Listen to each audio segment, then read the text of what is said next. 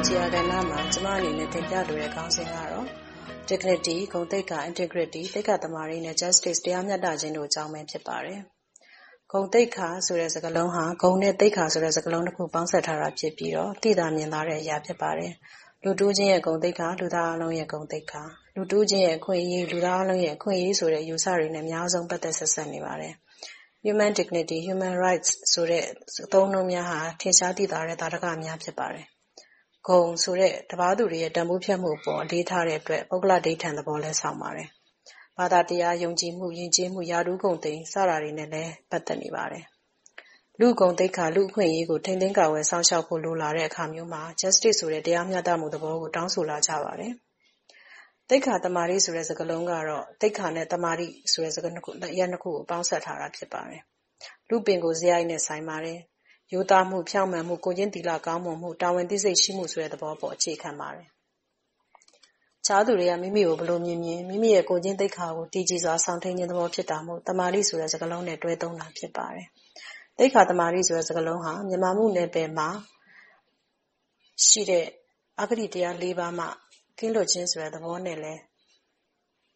နီးစပ်စွာ ဆက်နွယ်လျက်ရှိပါတယ်။လူ့ဘောင်လောကမှာ ဂုဏ်ဆိုတဲ့ ငွေကြေးဥစ္စာ စည်းစိမ်ချမ်းသာ၊ရာထူး၊ဘွဲ့ဒီဂရီကိုကြည့်ပြီး ဂုဏ်သိက္ခာရှိတယ်လို့ ဆိုကြတဲ့သူတိုင်း သိက္ခာသမာဓိဆိုတဲ့ Integrity နဲ့တော့ မပြည့်စုံပါဘူး။ဂုဏ်သိက္ခာ Dignity ကို မြင်သာထင်သာတဲ့အရာတွေနဲ့ ဆုံးဖြတ်လို့ရပေမယ့် သိက္ခာသမာဓိ Integrity ကိုတော့ ဒီလိုလွယ်လွယ်နဲ့ ဆုံးဖြတ်ဖို့ ခက်ခဲတယ်။လူ့အဖွဲ့အစည်းတိုင်းမှာ လူတိုင်းလိုချင်တောင့်တကြတဲ့ Justice ဆိုတဲ့ တရားမျှတမှုကို ရှာရာမှာ ကိုယ်ကျင့်တရားဆိုင်ရာ တည်ကြည်ဖြောင့်မတ်မှုသဘောကို အခြေပြုတဲ့ Integrity က အခါရာကျပါတယ်။ Justice အကြောင်းပြောရရင် Fairness အကြောင်းပါလာမှာပါ။ Fairness ဆိုတဲ့ မျှတမှုသဘောကို ရရှိအောင် ဆောင်ရွက်ရာမှာ အဓိကအကျဆုံး နည်းလမ်း နှစ်သွယ် ရှိပါတယ်။ Equality နဲ့ Equity ပါ။ Equality ဆိုတာဟာ အားလုံးဆီ အခွင့်အရေး အတူတူ တပြေးညီပေးတာပါ။နည်းလမ်းအခြေပြုပါ။ Equity ဆိုတာကတော့ လိုသူကို လိုသလောက် ဖြည့်ဆည်းပေးတဲ့နည်းပါ။ရလဒ်အခြေပြုပါ။ Equality က မျှတတယ်လို့ ထင်ရပေမဲ့ရလဒ်က မမျှတတာမျိုး ဖြစ်တတ်ပါတယ်။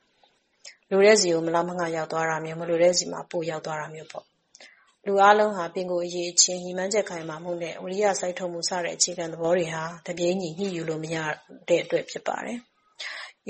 Equity ကပိုလက်တွေ့ကျပါတယ်။လိုသူကိုပိုပေးပြီးပိုသူကိုလျှော့ပေးတဲ့နည်းလို့ပဲလွယ်လွယ်ပြောပါရစေ။လူမှန်နေရာမှန်ထားခြင်းဆိုတဲ့ Human Resource ရွေးချယ်ခန့်ထားခြင်းအတွက်ထိရောက်ပါတယ်။လူတဦးချင်းရဲ့အရည်အချင်းကိုမြှင့်တင်ရာမှာလည်းထိရောက်တဲ့နည်းလမ်းဖြစ်ပါတယ်။ လူတဦးချင်းရဲ့အရည်အချင်းကို မှန်မှန်ကန်ကန် အသိအမှတ်ပြုပြီး လူမှန်နေရာမှန် ချီးမြှင့်မြှောက်စားတာဟာ လူတွေရဲ့ Dignity နဲ့ Rights ကို အလေးထား တန်ဖိုးထားတာဆိုရင် Equity ဆိုတဲ့ အယူအဆကို လက်တွေ့ကျင့်သုံးဖို့ ပိုပြီးသင့်လျော်ပါတယ်။ဒီနေရာမှာ အဓိကကျတဲ့ အခန်းကဏ္ဍကတော့ Integrity ပါပဲ။ Decision Maker များ၊ Policy Maker များဟာ သိက္ခာသမารိရှိဖို့ အရေးကြီးလှပါတယ်။လက်ရှိ ကျမတို့နိုင်ငံရဲ့ စီးပွားရေး၊လူမှုရေး၊ပညာရေး၊နိုင်ငံရေး၊တရားစီရင်ရေး စတဲ့ ကဏ္ဍကြီးငါးရပ်မှာ ဖြစ်ပေါ်နေတဲ့ပြဿနာအများစုကိုကြည့်ရင်လူ့အခြေခံရပိုင်ခွင့်ဖြစ်တဲ့ Justice ဆိုတဲ့တရားမျှတမှုပျောက်ဆုံးနေတာပါပဲ။ဒါကိုဖြေရှင်းဖို့အတွက်အဓိကသော့ချက်ကတော့အမှန်ကိုမြတ်နိုး၊ရိုးသားမှုကိုအခြေခံ၊တာဝန်သိစိတ်၊တာဝန်ယူစိတ်ကိုအလေးထားတဲ့သိက္ခာသမารိကိုပြုစုပျိုးထောင်ခြင်းလို့ဆိုပါရစေ။အပတ်စဉ်တင်ဆက်နေတဲ့သူယုံကြည်ရာကဏ္ဍအတွက်ဘယ်လိုအကြောင်းအရာမျိုးမှာမဆိုကိုယ်ယုံကြည်ရာလေးတွေကိုပါဝင်ဆွေးနွေးပေးဖို့ဖိတ်ခေါ်ပါရစေ။အီးမေးလ်လိပ်စာ burmese@voanews.com .com